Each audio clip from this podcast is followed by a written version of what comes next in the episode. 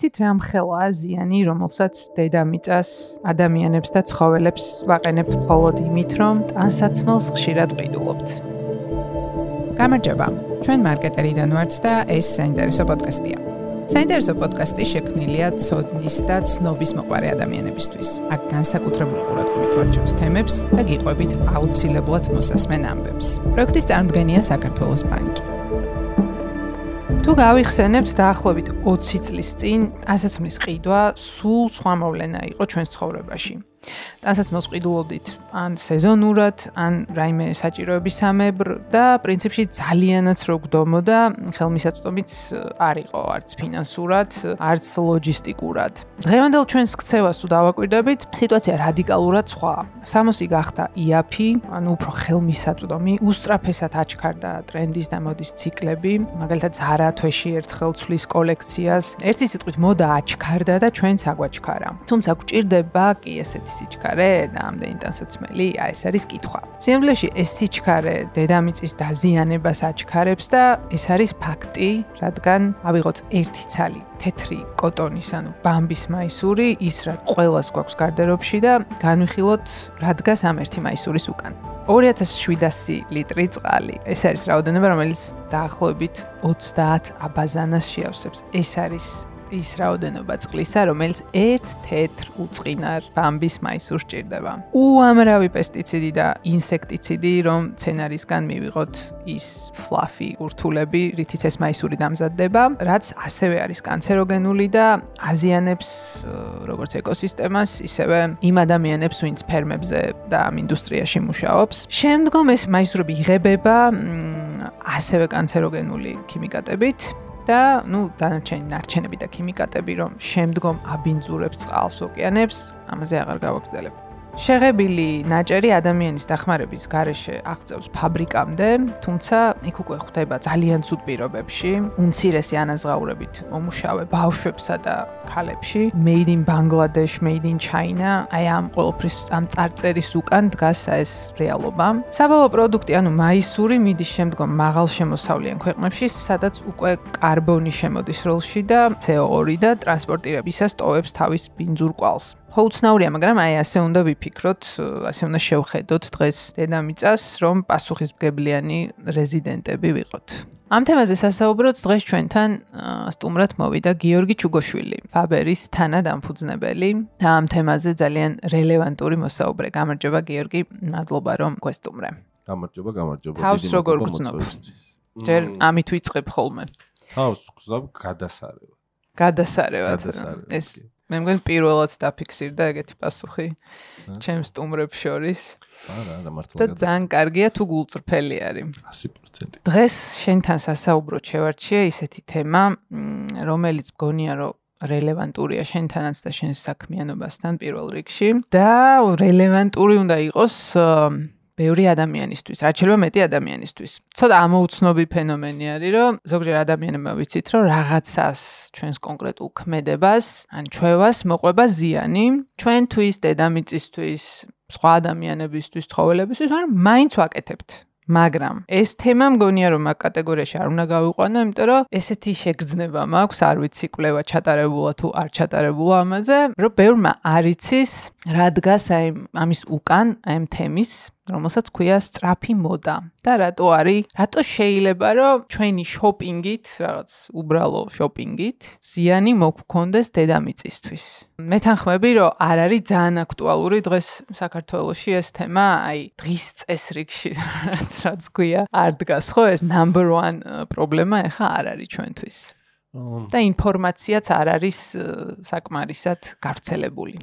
კი, კი, აბსოლუტურად გეთანხმები და მე მგონია, რომ რაღაცა პრობლემებს აქვს თავისი აქტუალურობის რაღაცა თან თან მიმდევრობა, რაღაცა სიკვენსი, არ ვიცი როგორ თქვა, რომ რაღაცეები ვიცით, რომ ეგრევე თავიდანვე აქტუალურია, მაგალითად როგორიც არის, თქვა, ეკონომიკური საკითხები, როგორც ეს სხვადასხვა საკითხები, მაგრამ ეხლა ჩვენ რაზეც ვსაუბრობთ, თუნდაც სტრაფმოდაზე და მის გავლენაზე, ეს არის გარემოს დაცვის და პლანეტაზე ზრუნვის ერთ-ერთი შემადგენელი კომპონენტი, ხო?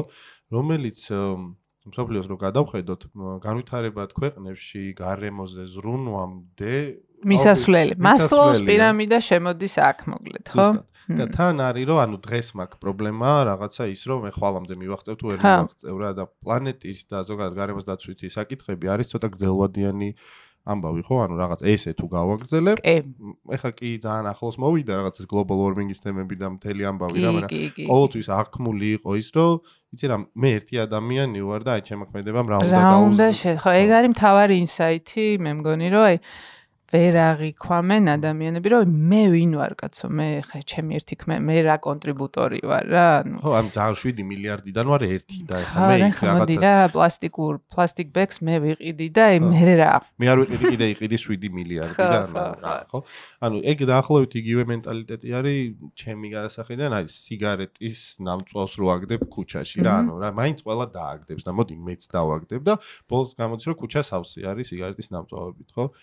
თუ მენტალიტეტი შეიცვლება და ყველა ვიტყვით რომ მოდი მე არ დავაგდებ საბოლოო ჯამში გვექნება სუფთა ქალაქი. ხო, ეს უნდა აღვიქვათ ალბათ რომ ეს მეზგან შედგება, იმ კოლექტიური მეზგან შედგება და ჩვენ ვართ ვინც ფუნქციონირების შესაძლებლობას აძლევს ამ პლანეტას რა, ანუ ეს შენი როლი არ უნდა დააკნინო, რომ მარტო მე ვარ, ხო? და თან კიდე შეგიძლია რომ ბევრს აუხსნა, ხო, ეს მოცემულობა და შენ გარშემო სიტუაცია შეცვალო.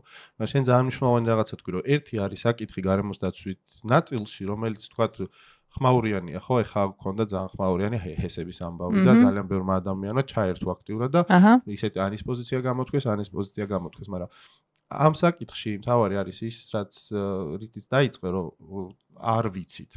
არ ვიცით, ხო? მაგიტომ მგონია რომ იმ კატეგორიაში არ გადის, რომ ვიცით და მაინც ვაკეთებთ. პარალელი რო გავავლოთ, არ შეიძლება ცუდი პარალელია და ვიღაც არ მოეწონოს, მაგრამ ზუსტად რო ვიცოდეთ როგორ კეთდება ხორცის პროდუქტები, შეიძლება ძალიან შევწყვიტოთ ხორცის შეიძლება ძალიან ბევრი ადამიანო თქვას რომ არა, ამას მე ვერ შევჭამ რა. ანუ უბრალოდ კადრები რო აი ვიდეო რო უყუროს როგორ ვიზუალიზაცია ამ ყველა. ვიზუალიზაცია რომ მოხდეს, ანუ შეიძლება ბევრი ქცევას შეიცვლიდა და გავურბივართ ხოლმე რაღაცებს. მგონი აი ხორცი ზუსტად მაგ კატეგორიაში გამყავს რომ არ მითხრათ როგორ მომზადდა. ხო, მოდი არ მეცოდი, ვითომ არ ვიცი, თუმცა ტანსაცმელი მაინც არ გამყავს მაგ კატეგორიაში, არ გულისხმობ ხარ რაღაც ბუნებრივ ქურქებს და ასე შემდეგ, იქ ლოგიკურია, რომ იცი რომ ამის უკან დგას რაღაც საშინელება, მაგრამ აი რო უყურებ რაღაც მაისურს, ბამბის, შეიძლება ვერ აღიქვა რომ ამის უკან დგას პრობლემა და რიგი პრობლემებისა. აა ამიტომ ამაზე უფრო მგონია რომ საჭიროა ვინც იცის იმან მაქსიმალურად გავრცელოს ინფორმაცია აა და ხელი შეუწყოს რომ რაღაც ზიანი შევამციროთ, იმიტომ რომ როგორც ჩვენ თქვი global warming-ით ეკოლოგიური პრობლემებით რა დასწრაფთა რა ყველაფერი და ძალიან ახლოს მოვიდა და უკვე ყველა შეიგრძნობს ამას განვითარებული ქვეყანა იქნება თუ განვითარებადი. კი, მაგისთვის ალბათ ყველაზე მნიშვნელოვანი არის რომ ვიცოდეთ სტატუს კვო, ანუ სად გავართ და რა მასშტაბებზე არის ზოგადად საუბარი. და ამ დისკუსიაში როდესაც შევდივართ ხოლმე სულ მიყვარს რომ რამდენიმე კონკრეტული ციფრი ვთქვათ, რომელიც ალბათ ბევრისთვის არ არის ცნობილი და უბრალოდ ზოგადად წარმოადგენას გიქმნის იმ მასშტაბზე, რომელზეც არის საუბარი. ხო, აი ციფრები არის მთავარი იარაღი ესე დროს. რა ეგ მეც უნდა მეთქვა რომ მოდი ციფრებით ვილაპარაკოთ იმიტომ რომ პრობლემის სიმწავეს და სიმძაფრეს აი ეგ ციფრები ძალიან ხელს უწყობს ხოლმე რომ აღიქმას აღიქვას ზუსტად ისე როგორც საჭიროა. კი ბატონო.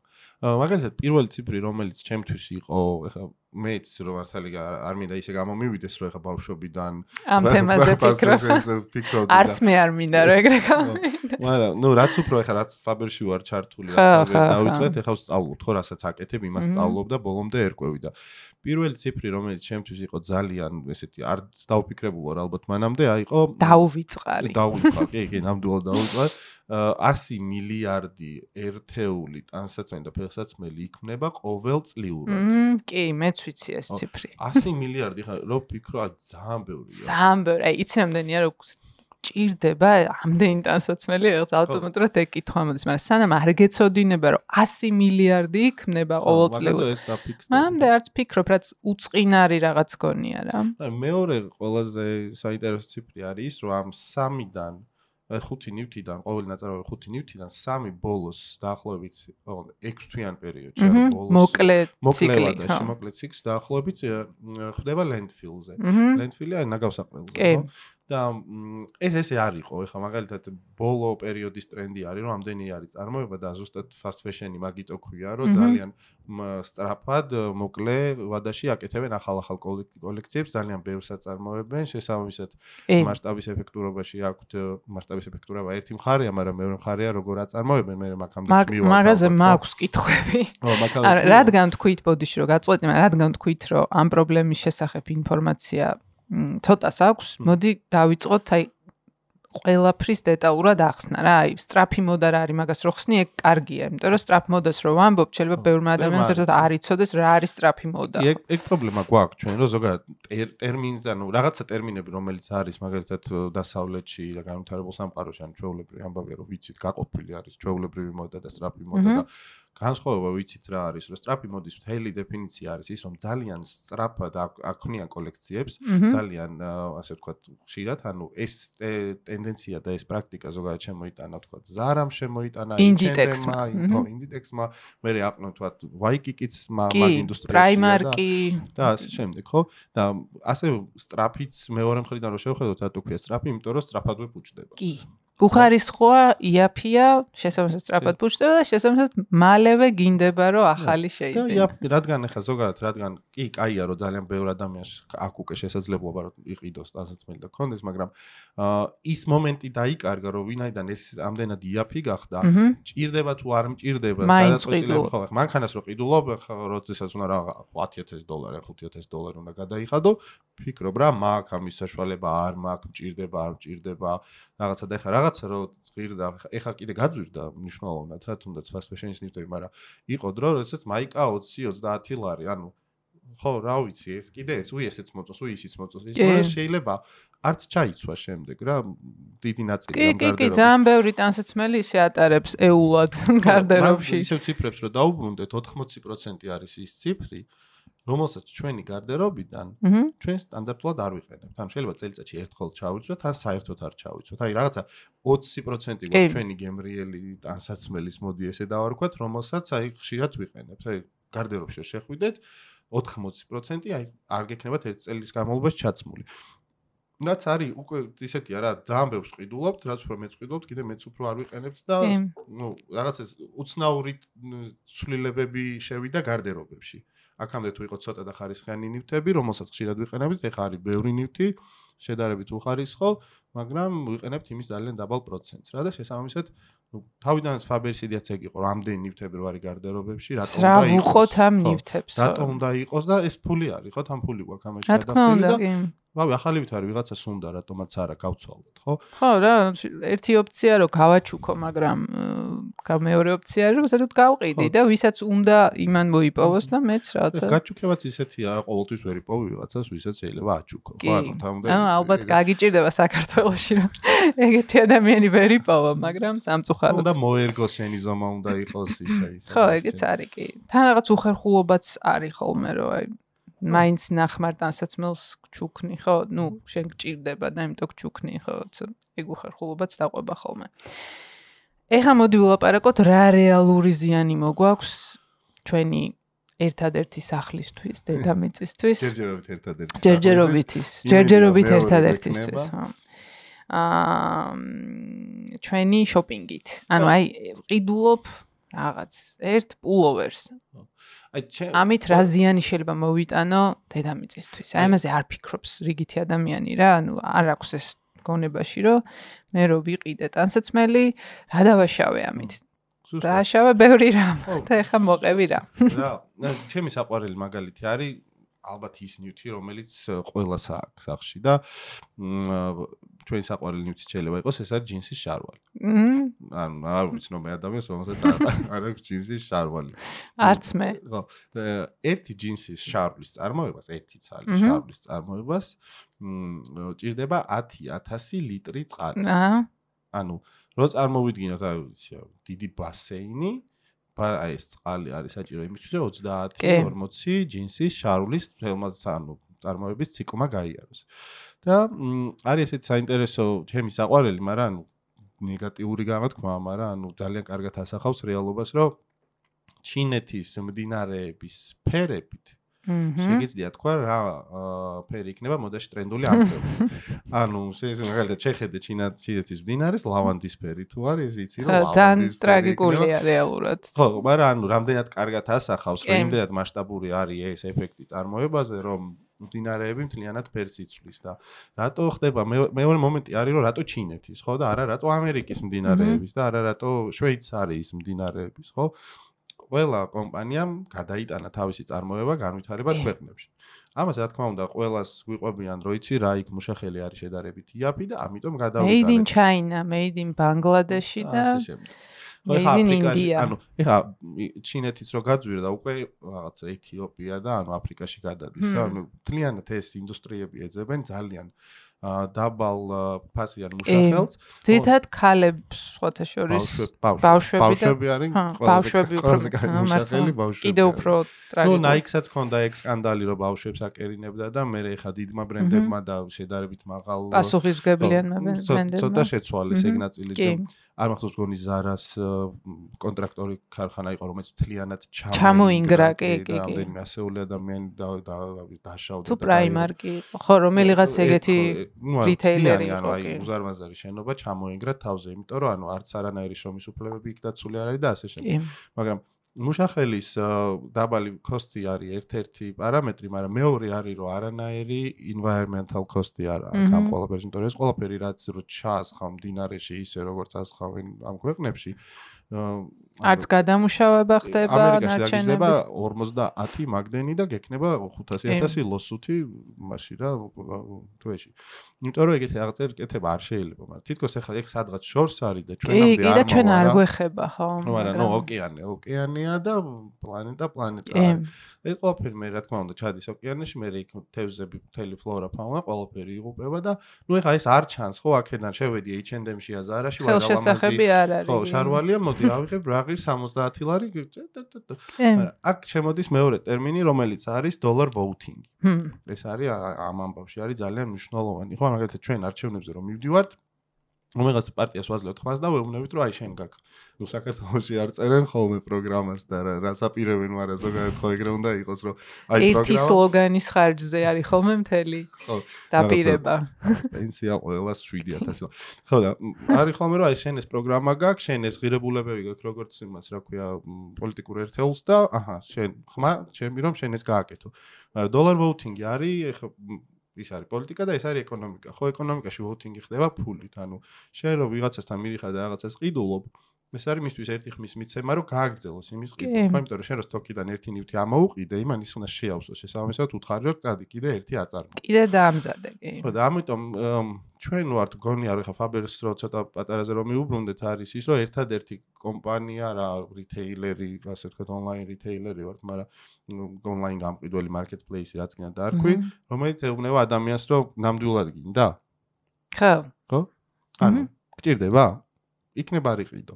ხო ანუ გამყიდველი რომელიც გეუბნება რომ იქნება არიყიდო. თითქოს შეუთავსებელი კონცეფცია არის, მაგრამ ჩვენთვის უფრო მნიშვნელოვანი არის რომ ეს მაინდსეტი შეიცვალოს, რომ ადამიანმა იყიდოს მხოლოდ ის რაც ჭირდება, ვიდრე ის რომ ჩვენ ბევრი გავყიდოთ რა. ხო, აი როგორ ხა მოდი მაგაზე ვილაპარაკოთ, რომ აი რო გავიხსენოთ შენ მილენიალი ხარ, ხარ ალბათ ხო, ჩემსავით. ტანსაცმელს რო ყიდულობდი ბავშვობაში, რომ ყიდულობდნენ. ეს იყო რაღაც მოვლენა რა, ანუ აი რაღაც რაღაცა საჭიროება დგებოდა იმისი რომ რაღაც ეყიდათ ჩემთვის სკოლაში მივდიოდი ან სკოლაში მივდიოდი ან სეზონი შეიცვალა ან გავიზარდე ან მართალია ის ის წარსებობს რომ დიდ ქურთუკებს რო ყიდლოდნენ რომ რამდენიმე წელი ყოფნოდა. მაგრამ ეს იყო დაკავშირებული რაღაც საჭიროებასთან მით უმეტეს რომ აი ეგ გვაქვს გამოცდილი და ნანახი დღეს უსხარელობის წინაშე ვართ რომ გჭირდება არ ვიცი რატო ყიდულობ ზოგჯერ ვერც ვიაზრებთ ხო? ეხლა საკუთარ თავზე ალბათ მაინც ნაკლებად ვისაუბრებ იმიტომ რომ დიდად არ ვარ მაგ ყოველფრის მოყვარული მაგრამ მეც ვარ რა თქმა უნდა მონაწილე რომ იმაზე გაცილებით უფრო ხშირად ყიდულობ დასაცმელს ვიდრე ამას ადრე ვაკეთებდი. როგორ ახერხებ აი ეს ქცევა როგორ შეცვალეს? აი ამ ფეშენ რიტეილერებმა რა მეთოდებით აკეთებენ ამას. აი მაგალითად ზარა თვეში ერთხელ ცვლის კოლექციას, ხო? ან უსტრაფესი ტემპით შვება, სეზონურად და რაღაცის კი არა, თვეში ერთხელ. მაგალითად ის რომ ტრენდები შემოდის და ძალიან სწრაფად სწრაფი ტემპია, ხო? მან რა ეხლა ეს არის მოდაში ხოლმე, რა ის არის მოდაში, აი რა манипуляციები არის, რომ დღეს ესე გაუაზრებლად შოპინგობთ ხოლმე. რამ შეცვალა ჩვენი ქცევა? იცი რა, მოდი. საიდუმლო საახადოთ ფართა. რაღაც იქიდა ბავშვობიდან დავიწყეთ, ხო, 90-იანებიდან ალბათ, ხო, მაგ პერიოდზე და მოდი მაგ პერიოდს დაუბრუნდეთ და პატარა მე როგორ ხედავ რა მაგ სიტუაციას მაგაზე ვილაპარაკოთ, იმიტომ რომ მაგალითად ჩვენ გვიჭირს ძალიან მილენიანებში ძალიან კარგად ვართ, ჯენზიში კარგად ვართ, აი უფრო ზევით გვიჭირს. ნამხრივ. აა, სეილებში რა, და კასტომერი თქვენ როგორც ფაბერს. ფაბერს და რატო? ხო? ჩვენ ახლა წერან საიტზე ვსაუბრობ და საიტი ზუსტად მაგით გავაკეთეთ, რომ იქნებ ცოტა მაღალ სეგმენტ, ანუ მაღალ ასაკობრივ მაღალ სეგმენტზე რაღაცნაირად, იმიტომ რომ ისინი მობილურთან იმდანად კარგად არ არიან და შეიძლება ვებით უფრო იყიდეთ. და ეს იყო ერთ-ერთი ალბათ ესეთი კლასიკური შეცდომა კომპანიის, რომელიც ვერ ხვდება თავის მომხარებლების ქცევის განსაზღვრულ ფაქტორებს. აჰა, აბა. ასა, ანუ over 35, აი ეს რა, over 40 people. როდესაც შენ უხსენება მაგალითად pre-owned items, ხო, ან მეორად news, პირველ პირველ აი 10-დან 8 შემთხვევაში საფასურო წინადადება არის, რატომ უნდა ვიყიდო ფული? არ მაქვს? კი, კი, კი, კი, ეგ რაღაც ხო და მე დავიწყეთ ამაზე ფიქრი რა დავიწყეთ ამაზე ფიქრი და მიხვდით ესეთ რაღაცას რომ ამ ხალხს გამოვლილი აქვს 90-იანები და საშინელი გაჭირვება ხო? და მეც ახლა მთელი ცხოვრება second hand-ში ვიცვამდი იმიტომ რომ დედაჩემ ჩადიოდა იქ რაღაცებს ამოჩიჩქნი და იპოვიდა რაღაცას რაც ჩამეტეო და მომიხდებოდა თუ არ მომიხდებოდა დიდი მნიშვნელობა არ ქონდა ვინ ფიქრობდა მაგაზე ძალიან ძიმე ეკონომიკური მდგომარეობა ქონდა და შესაბამისად მან ვიცვამდი და ეს იყო როგორი პროცესი იცი, რომელიც არის ასოცირებადი გაჭირვებასთან. კი. და ყველაფერს გაურბიან ხოლმე როგორც წესი იმ თაობის ადამიანებს, რაც გაჭირვებასთან ასოცირდება. მე მე ეკონომიკურად ცოტა როდესაც და ქვეყანა დაალაგდა და გაჩნდა პირველი მოლი და ვარქვათ ასე შემდეგ და პირველი მაღაზიები, მე ესე აღვქვამ რომ იყო თითქოს ამოსუნთქვა რომ всё, იმას თავი დავახწიე და ეხა შემილა მე კულტურულად შევიდე, ზომაც ავარჩიო, მოვირგო წამოვიღო და ისე ვიყიდო. ვიყიდო. და თან კოსტები, კოსტი იმდენად ქვემოთ ჩამოვიდა, რომ ტანსაცმელმა თავის აი ბიუჯეტი ხელმისაწვდომი გახდა ყველას. ხელმისაწვდომი გახდა და ბიუჯეტი თქვა ალბათ 10% გაქვს გამოყოფილი ტანსაცმელისთვის, ხო? აქამდე თუ გამოგდიოდა 2 ნივთი, ანუ 5 ნივთი, ეხლა fast fashion-ისგან გამომდინარე და კოსტები ქვემოთ წამოვიდა, ის ამავე ბიუჯეტში თან თელი გარდერობი შეგიძლია შეგიძლია იყიდო 7 ნივთი, 8 ნივთი და ანუ საბოლოო ჯამში ამბობ, რომ ხო, მოდი რა, ამდენს დავხარჯავ ტანსაცმელზე, მაგრამ რაოდენობრივად ტანსაცმელზე ესე მოდი, ესე ვთქვა რა, რაც უფრო დიდი გარდერობი გაქვს, ესე გვაჯერებენ, უფრო კარგია. ხო? ანუ გინდა Sex and the City შეხედე ხო რაღაცა. ანუ და ძალიან ბევრი ალბათ ქალისაც და კაცსაც არის დიდი გარდერობი ქონდეს, რომ ბევრი ფეხსაცმელები, ბევრი პიჯაკები. ხო, ცოტა ოცნების ხო, ანუ ოცნების ჟანრში არის გადაყვანილი, რომ ქონდეს ცალკე ოთახი გარდერობა. ჩემ ყველა ფეხსაცმელს გამოფენ და და საერთოდ რო დაფიქრები იქიდან ანუ 100 ფეხსაცმელი რო გაქვს, ანუ თითო 3-ზე მეტჯერ წელიწადში ხო დღეებია ან მაშინ დღეში 4 ჯერ უნდა გამოიცვალო რაღაცა ეგეთი უნდა გააკეთო რა მაგრამ უკვე გადადის ცოტა უცნაური სხვა ფაქტორები შემოდის რომ აი ერთხელ რო ჩავიცვი მეორეჯერაც რომ მაგ ფეხსაცმლით წავიდე სადღაც რაღაც ფართიზე და დამინახო ხო იქ სტატუსი შემოდის იქ ექსკლუზიურობა შემოდის ნუ უამრავი ფაქტორი შემოდის მაგაზე როცა ლაპარაკობთ და ართულებს სიტუაციას მე მგონია რომ ეხა პანდემიის დროს ეგ ცოტა დამოკიდებულება შეიცვალა იმიტომ რომ ეხა ბევრ დროს რო სახლში ატარებ თქვა თან სახლიდან მუშაობ ან რაღაცა ვიწრო წრეში გაკ უფრო შეხება და მეც ნაკლებად გადიხარ გარეთ ძალიან ნათლად გამოჩნდა, იმიტომ რომ ძალიან დიდი ასე სპაიკი ქონდა ლისტინგებში რა. იმიტომ რომ ხალხმა თქვა რომ ანუ შო რა ერთი წელი ამას ვერ ჩავიცმევ, ამას ამას ამას ამას ვერ ჩავიცმევ და მოდი ამას მოვიშორებ და საათ რაღაცა გავყიდი რა. ხო და ანუ ქცევები იცვლება, რა თქმა უნდა, ბევრი რაღაცა ცვლის, მაგრამ თავარი არის ის, რომ ეს არ არის, ეს არის ყველაფერი არის subconscious, ანუ კი კი ხო, გააზრებული არ არის, რა თქმა უნდა, ხო. გააზრებული არ არის, თუ ყიდულობებს, გააზრებული არ არის რა მოყვება იმას მე რო ყიდულობ და ანუ ვის მივეცი ფული რაში, ხო, რომ რა გააკეთოს და ჩვენც ახლა ვცდილობთ მაქსიმალურად ცალკე გავაკეთეთ ის რა ქვია პლატფორმა The Devil Wears Responsibly, რომ ანუ ზოგადად ცნობადობა აუწიოთ იმასთან მიმართებით. უბრალოდ რა მოყვება რა, ანუ ჩვენ ვსტავარი არის სიმართლე იცოდეს ადამიანმა და მე გადაწყვეტილება რა თქმა უნდა თვითონვე უნდა მიიღოს ისევე როგორც ხორცთან დაკავშირებით იქნება თუ რაღაცასთან დაკავშირებით. და სამყაროც ნელ-ნელა მაინც წინ მიდის, იმიტომ რომ ცოტა ხნის ვთქვა 10-20 წლის წინ რაღაცა შუბა და ისო რაღაცა 400 კვერნა გაატყავო იმისთვის რომ რაღაცა ჩაიცვა, ეგ იყო სტანდარტი და ამას დიდი მოდის სახლებიც აკეთებდნენ, მაგრამ ეხა ეგეთი რაღაცები აღარ ხდება. აღარ ხდება, კი. ანუ ეგ პროგრესი სულ იგრძნობა და ეგ არის მე მგონი ერთადერთი იმედი, რაც გვასულდგმულებს. ხო. სხვა შეს ნატურალურ ქურქთან დაკავშირებით ეს მე პირადად ძალიან შეცვლილი ცნობიერება მაქვს ნანახი ძალიან კონკრეტულ ადამიანებში ჩემი რგული ადრე სასაცილოდაც რო არ ყოფნი და დღეს იტყვიან რომ იცი რა არა ხო ცხოველს რა დავატყობ ცხოველი ხო მიყვარს თუმცა ეს ხო ძალიან აშკარა იყო ყოველთვის მაგრამ ნუ აი ის კულტურის ნაწილი იყო მაშინ და ნორმალიზებული იყო რომ გატყობული ცხოველები გვეცვა დღეს. ისეთივე ფენსი იშრომეს ვიღაცა ადამიანებმა კონკრეტულმა ადამიანებმა და მიაღწიეს რა წლების შემდეგ იმას რომ დიდი მოდის სახლები ამას აღარ აკეთებენ და ადამიანებსაც უკვე აა ჟარგონზე ვთქვათ, უტყდებათ. ან სულ ძალიან უნდოდეს დღეს მაინც უტყდება და იცის რომ რაღაც ბარიერი აქვს, რომ მოდი ცხოველს არ შემოვიგდებ სურგზე. ძალიან უცნაური ფაქტია. მაგრამ მაგ იცი როგორ არის ხა მოდის ინდუსტრია რაღაც ტრენდსეტერები ხო არსებობენ, ხო? ანუ მოდის ინდუსტრია არის რაღაცნაირად ვთქვათ, პარიზია, მილანია თუ ნიუ-იორკი რაღაცნაირად ტრენდებს დებენ რა და მაგ მაგასაც ბევრი რაღაცა მოყვება და ეხანდელი ტრენდი არის sustainability. კი, კი, ყველა პრინციპში ყველა სფეროში ეგრე არის ახლა. იმიტომ რომ პრობლემა გახდა აქტუალური. პრობლემა გახდა და ხელშესახები კი. უკვე ყველა ვიგზაინეთ ახლა მარტში რო თბილისში ერთი თუ ეთოვლი გაქვს უნდა მიხვდე რომ რაღაცა ისე აღარ არის როგორც იყო, ხო? მოდი ახლა ეს სიტყვა ვთარგმნოთ და ავხსნათ მდგრადი მოდა რას ნიშნავს? სტრაფზე უკვე ვილაპარაკეთ. აა ეხლა დღეს საუბრობდით. ანანოსთან რაღაც პრეზენტაცია გვაქვს ძალიან მნიშვნელოვანი ორ შაბათს რომელიც არის მთლიანად ამდგრადობა არის გამოსავალი წერტილი რა.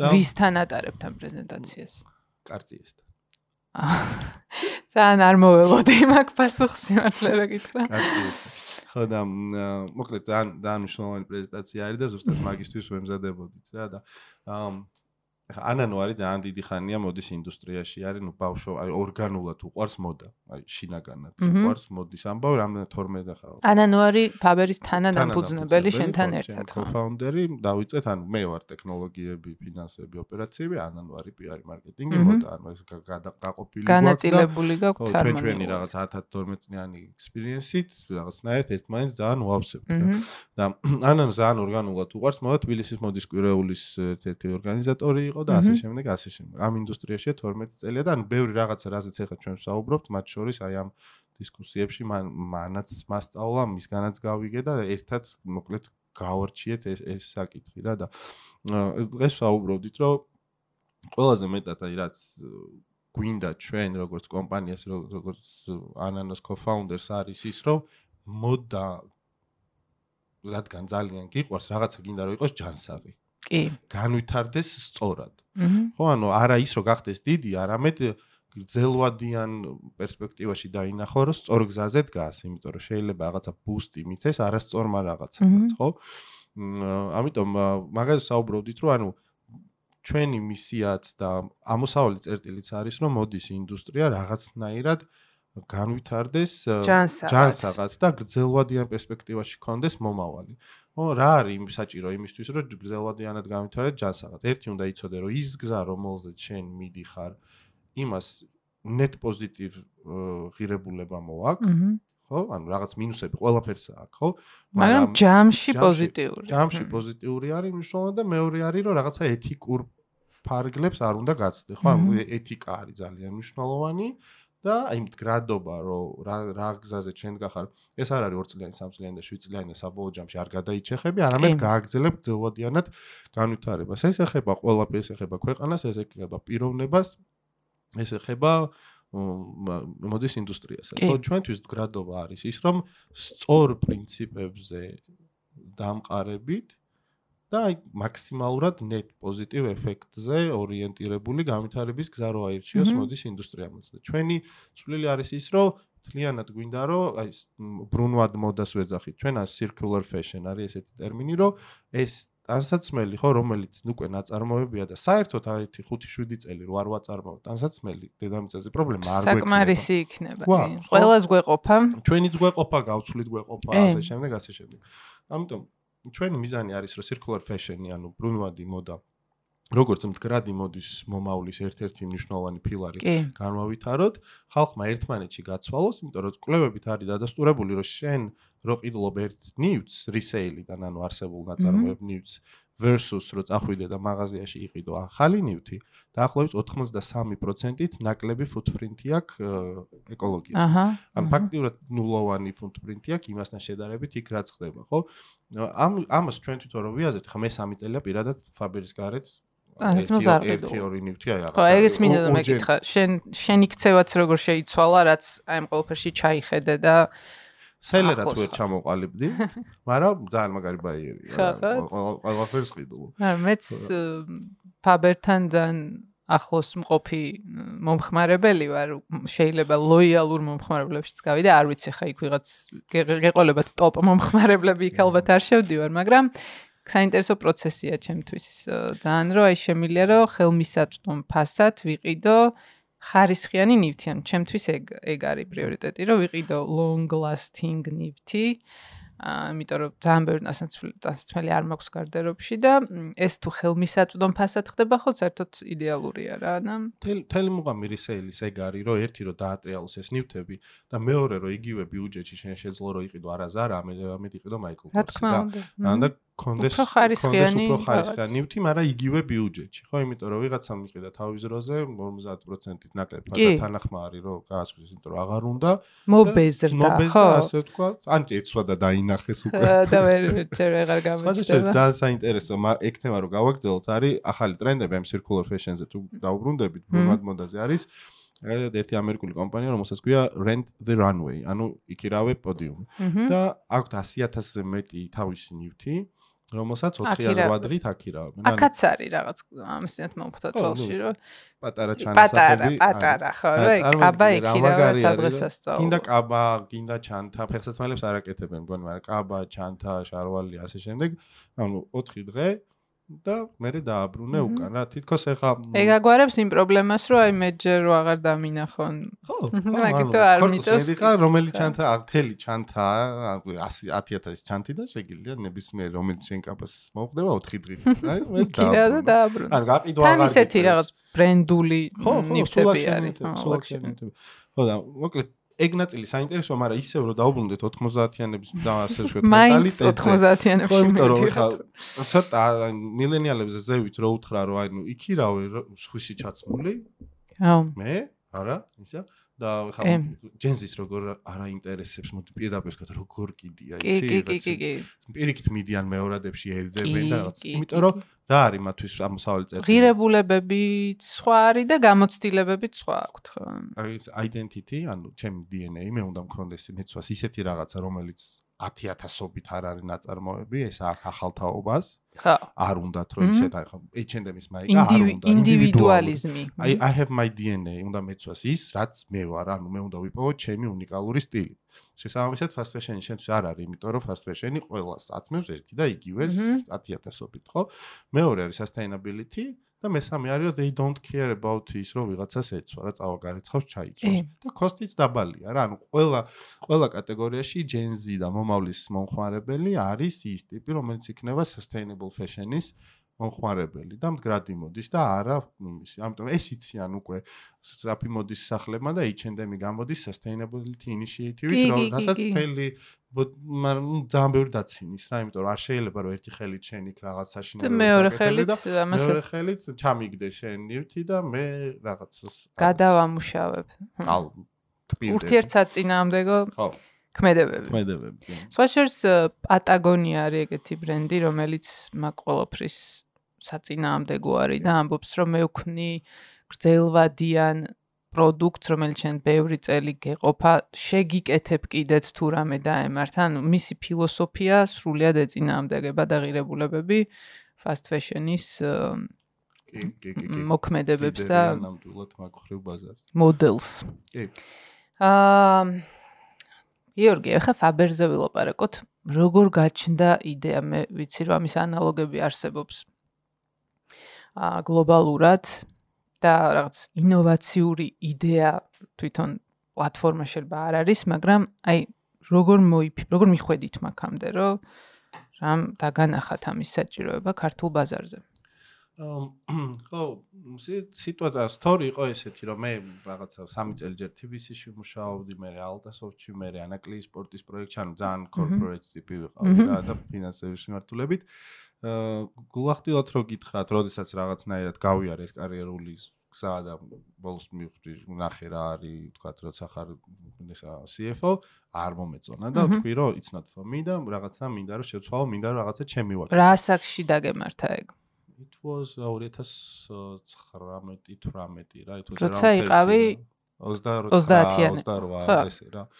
ხო და საინტერესო ასაკში რო. საინტერესო ასაკში რო ვიყავ. მე რომ მივხვდი რომ 10 წელი ეს ვაკეთე. ოკეი good experience მაგრამ ამის გაგრძელება შემდეგ 30 წელი არ მინდა რა. და დამემშვიდობები. ხო მოდი რაღაცას ჩემისას გავაკეთებ და რაღაც პარალელურად რა თქმა უნდა ალბათ ჩვენი თაობის ყველა ტიპი Amazon-ზეც საკითხული აქვს Facebook-ზეც კინოც ნანახი გვაქვს და ასე შემდეგ. ინსპირაციები მიღებული. ტექნოლოგია არის ალბათ პირველი ვის რაც ახსენდება ხალხს სადაც უნდა რომ რაღაცა ინოვაციური რაღაცა გააკეთოს ან საინტერესო ტექი ხო და მაშინ მივედი ანანოსთან და უთხარი რომ ანუ fashion e-commerce-ზე რას ფიქრობთ ხომ მომული აქ საქართველოს ანუ მითხარი მე ზირო ანუ არ არსებობს საერთოდ და ნუ მეთქი რომ არ არსებობს ერთი არის რომ დინამდი არ არის მეორე არის რომ ვერავინ კარგად ვერ მოაბა თავი.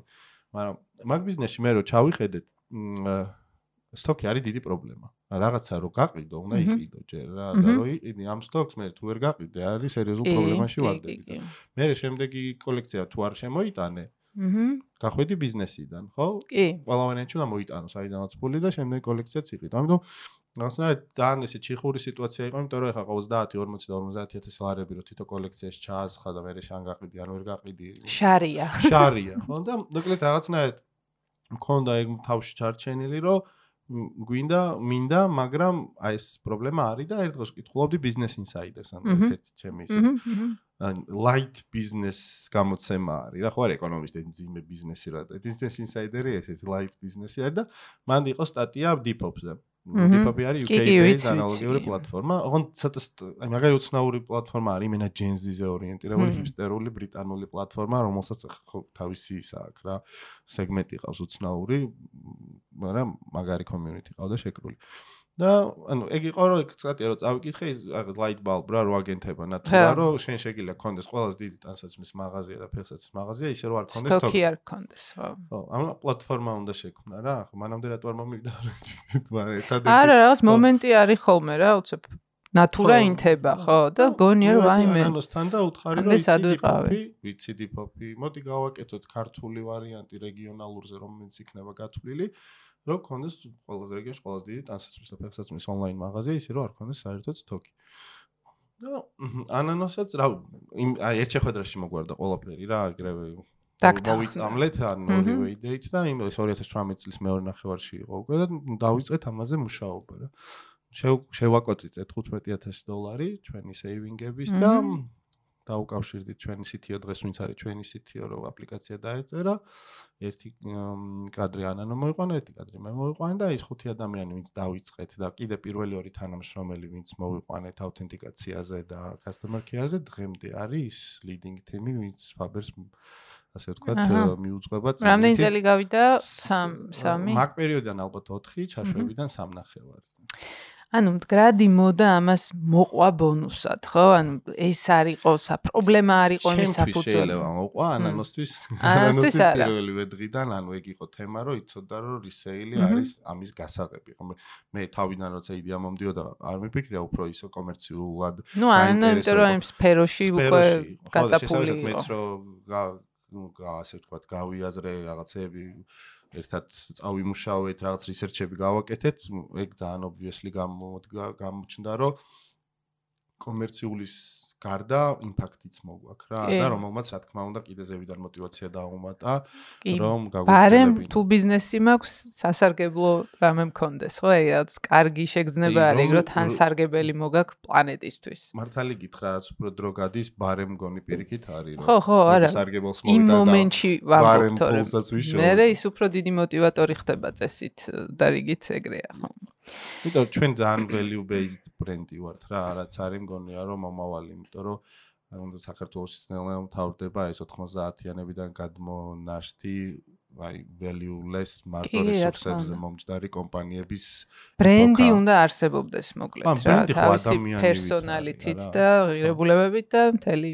იმიტომ რომ ისე როგორ უნდა ყავდეს თანამედროვე მომხმარებელი შენ ან community როგორ უნდა შეკრა თუ ღირებულება თუ არ დაკავშირდით ერთთან კვეთა თუ არ მოხდა ღირებულება თუ ერთ-ერთი value ისაა რომ შენი შოვა ფული იმათ ხარჯზე ანუ არ არის მთელი ბიზნესის იდეა თანამედროვე და ჩვენიც რა თქმა უნდა არის ის რომ value იქით მოუტანო კი ხო და შენც უნდა გქონდეს რაღაც ღირებულებები იმიტომ რომ მაგალითად პანდემიის დროს ჩვენთან მოვიდა ბევრი fast fashion brand და გვითხრეს რომ guys ჩვენ არ გვაქვს e-commerce პლატფორმა, თქვენ გამართული გაქვთ ყველაფერი, let's work together. მაგრამ როდესაც იცი ფუნდამენტი რა გაქვს, ხო, guys, არ უნდა გადაუხვიო კი. უკაცრავად, კი, მან თან ფული არის, ძალიან ბევრი ორდერი გვექნება და ასე შემდეგ. მაგრამ ჩვენ იდეა რაზეც დგას არის ეს. იმის საპირისპიროთ ვართ, რასაც თქვენ აკეთებთ რა და ძალიან დიდი ბოდიში, მაგრამ არაფრით არ გვიღებს გადახვევა. კარგია, მეც გარედან რაც ეგეთი დადებითი შტაბეშტილებები რჩება თქვენ გუნდზე და ისიც მომწონს რომ სულ ეკითხებით მომხმარებლებს რაღაცებს და შენი ჯგუფში აქტიურობაც მომწონს რომ რაღაც ანგარიშს აბარებ ხოლმე ასე ვთქვათ მომხმარებლებს რომ გამჭვირვალობა არსებობდეს და ანუ ეგ მგონია მეც მომავალი. ფაბერის ჯგუფში სადაც 17000 ადამიანი არის სამ წელიწად ნახევრის განმავლობაში არც ერთი პოსტი არ დაბლოკირდა ყველა იდება. არც ცენზურა არაფერი. აუ, ისეთ ლანძღვაც იდება, თათხაც იდება. ყველაფერი. უზრდელური სიტყვები. რაღაცა ანუ ის არსებობს, მაგრამ რაღაც ზვარი არსებობს. ვიღაცა გაკრიტიკებს, ვიღაცა რაღაცა ცუც ამბობს შემზე და მოდი არ დავდოთ ეგეთი მომენტი არ გვაქვს, იმიტომ რომ დასამალი არაფერი არ გვაქვს. 24 საათი შვიდზე მუშაობთ, რომ პლატფორმა შექმნა და ხალხს ველიუ მოუტანოთ. თან სტარტაპი ხართ და რაღაცები გეპატიებთ კი და უნდა დაუშვათ შეცნობები, რომ მე ამ შეცნობებზე ისწავლოთ. გარდაუვალია ეგ შეცნობები. იმდენად ბევრ რაღაცას ვაკეთებთ თვიდან თვემდე, რომ ანუ შეუძლებელი არის რომ ყველაფერი სწორად გავაკეთოთ რა, ამიტომ მოკვდება აუცილებლად და კაია, უნდა მოკვდეს. კაია, ყველას უნდა მოკვდეს, რომ მე უკეთესები გავხდეთ.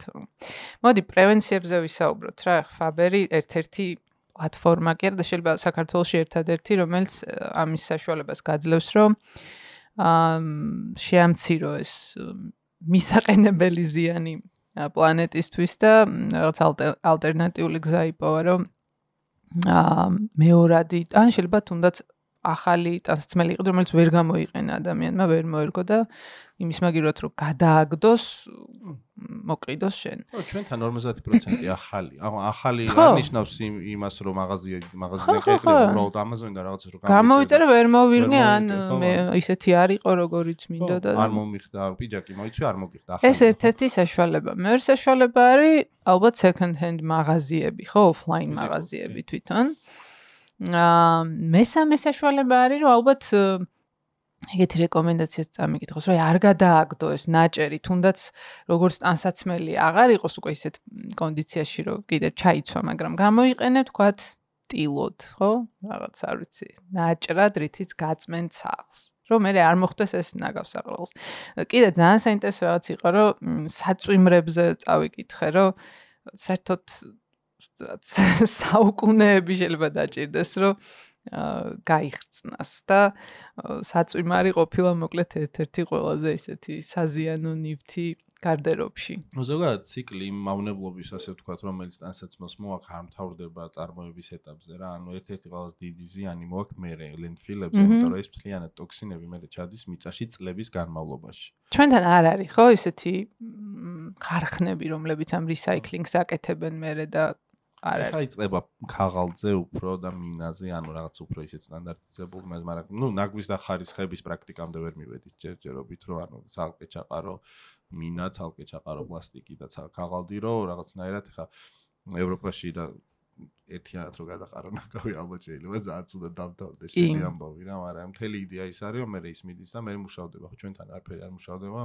99% მიდის პირდაპირ landfill-ზე. ან ჩვენთან ეს თითქოს ნაგვის ყუთები რო გაჩნდა, რომელიც ახარისხებს ნაგავს ის მაინც საბოლოო ჯამში მიდის არ არ ხდება მათი გადახარისხება საბოლოო წერტილში და მაინც ერთიანად ხდება. ახლებს იძახი? ხო, აი რო დგას რა. ისინი ერთად იმაში. ერთად. ხო, მაგრამ აი ხო არის გამოყოფილი თქო შუშა, ქაღალდი რაღაც ფასადია ეგ ყველაფერი. ესე ესე ვიცი მე, მაგრამ რა რაც არ ვიცით, არ ვიცით. თავს ვერ დავდებ, ამიტომ არა ერთი ვიცი რომ ანუ რამდენიმე ნაგვის ხუთი, ანუ ევროპაში რამდენჯერაც ყოფილა, არის რამდენიმე სახში აქვს რამდენიმე აი ეს იმის. კი, კი, კი, კი, ესე შვებიან. ხო. ხო, და ამიტომ აი ეს მერე გრძელდება, რაც შენ თქვი წლების განმავლობაში მიდის და მიდის მიწაში მე ეს ის არა ქვია ტოქსინები ამ იმის რა ტანსაცმლის და მთელი სურათი არის ძალიან მძიმე რომ წარმოიდგინო მაგრამ ეხლა მოდა შემოდის upcycling-ი და ეს recycling კოლექციები.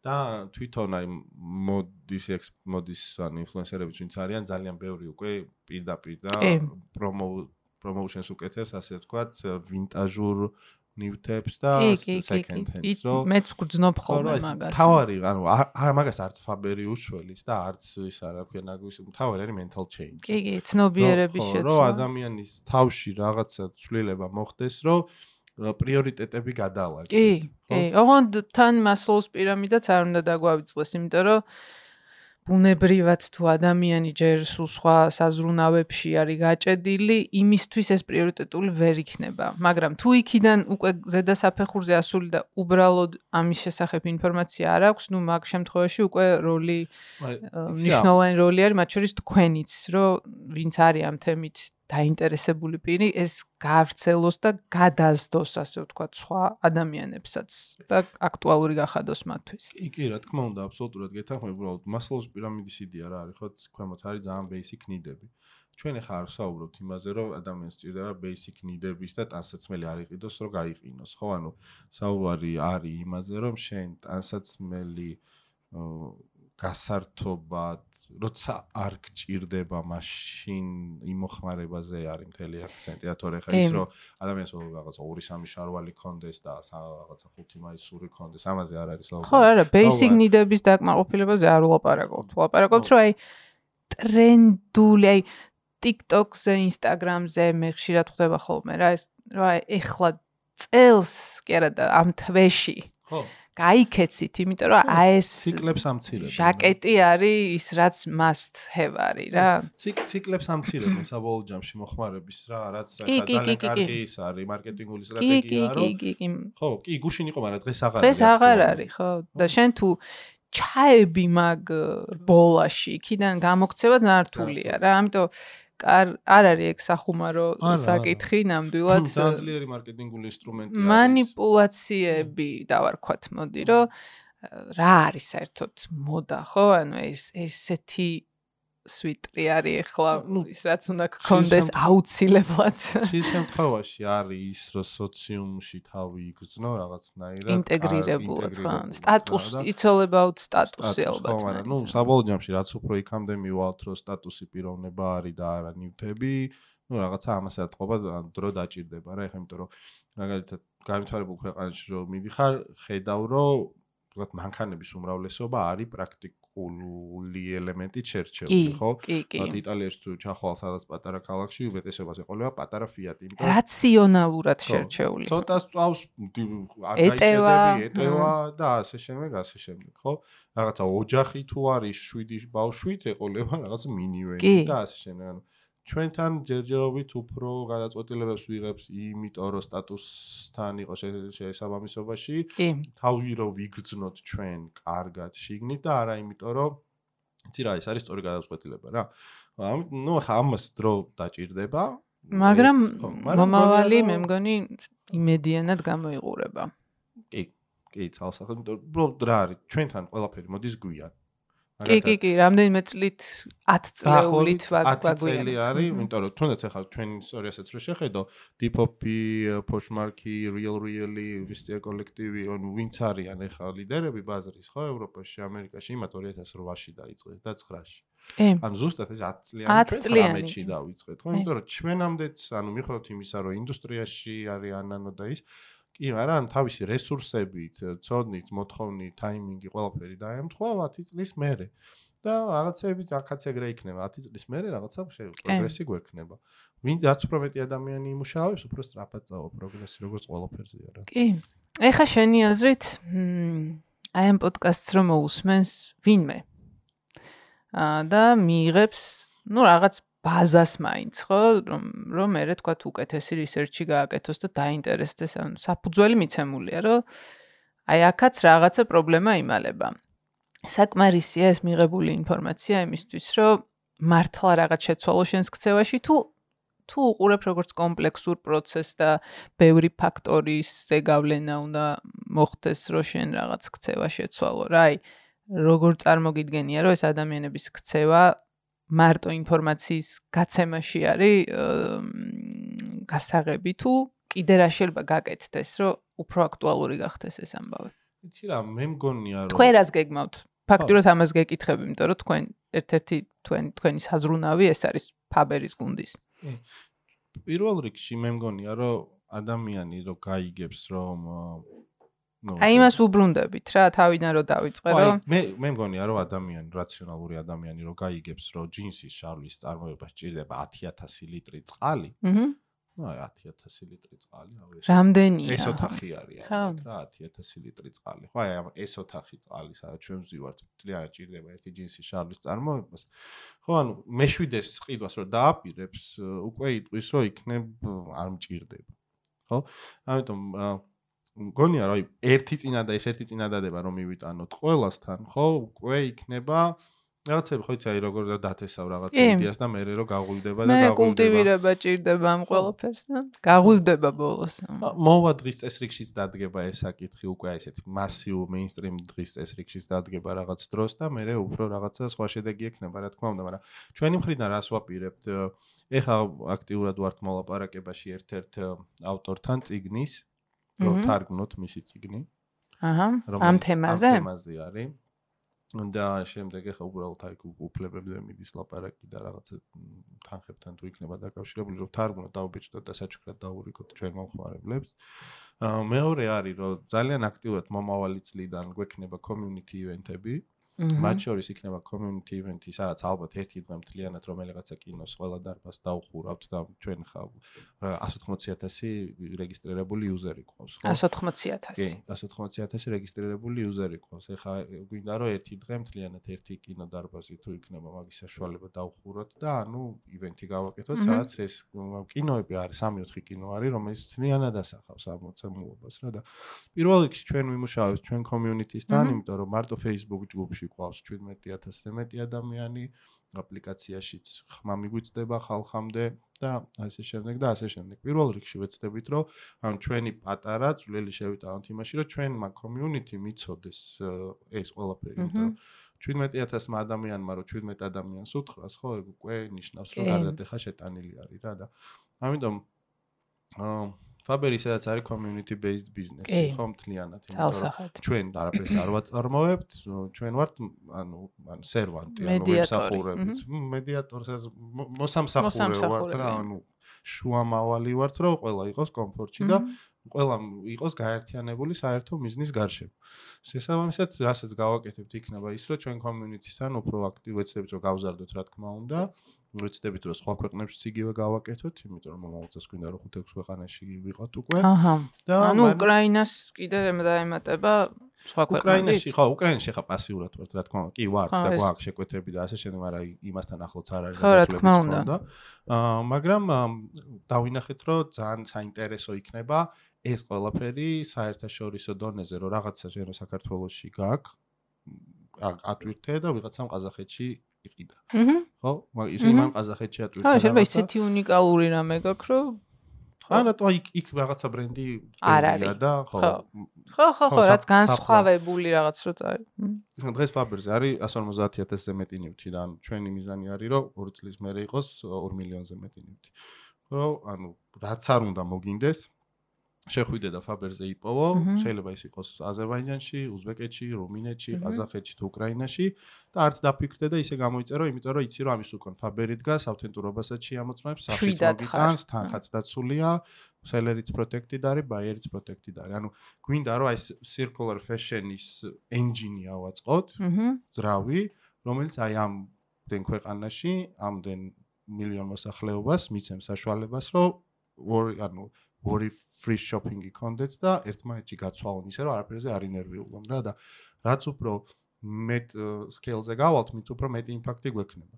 დღევანდელი მოცემულობით გვაქვს რომ გადავცვალეთ ჩვენი იმპაქტი 30 მილიონი ლიტრი წყალი გვაქვს დაზოგილი. ანუ ითვლით.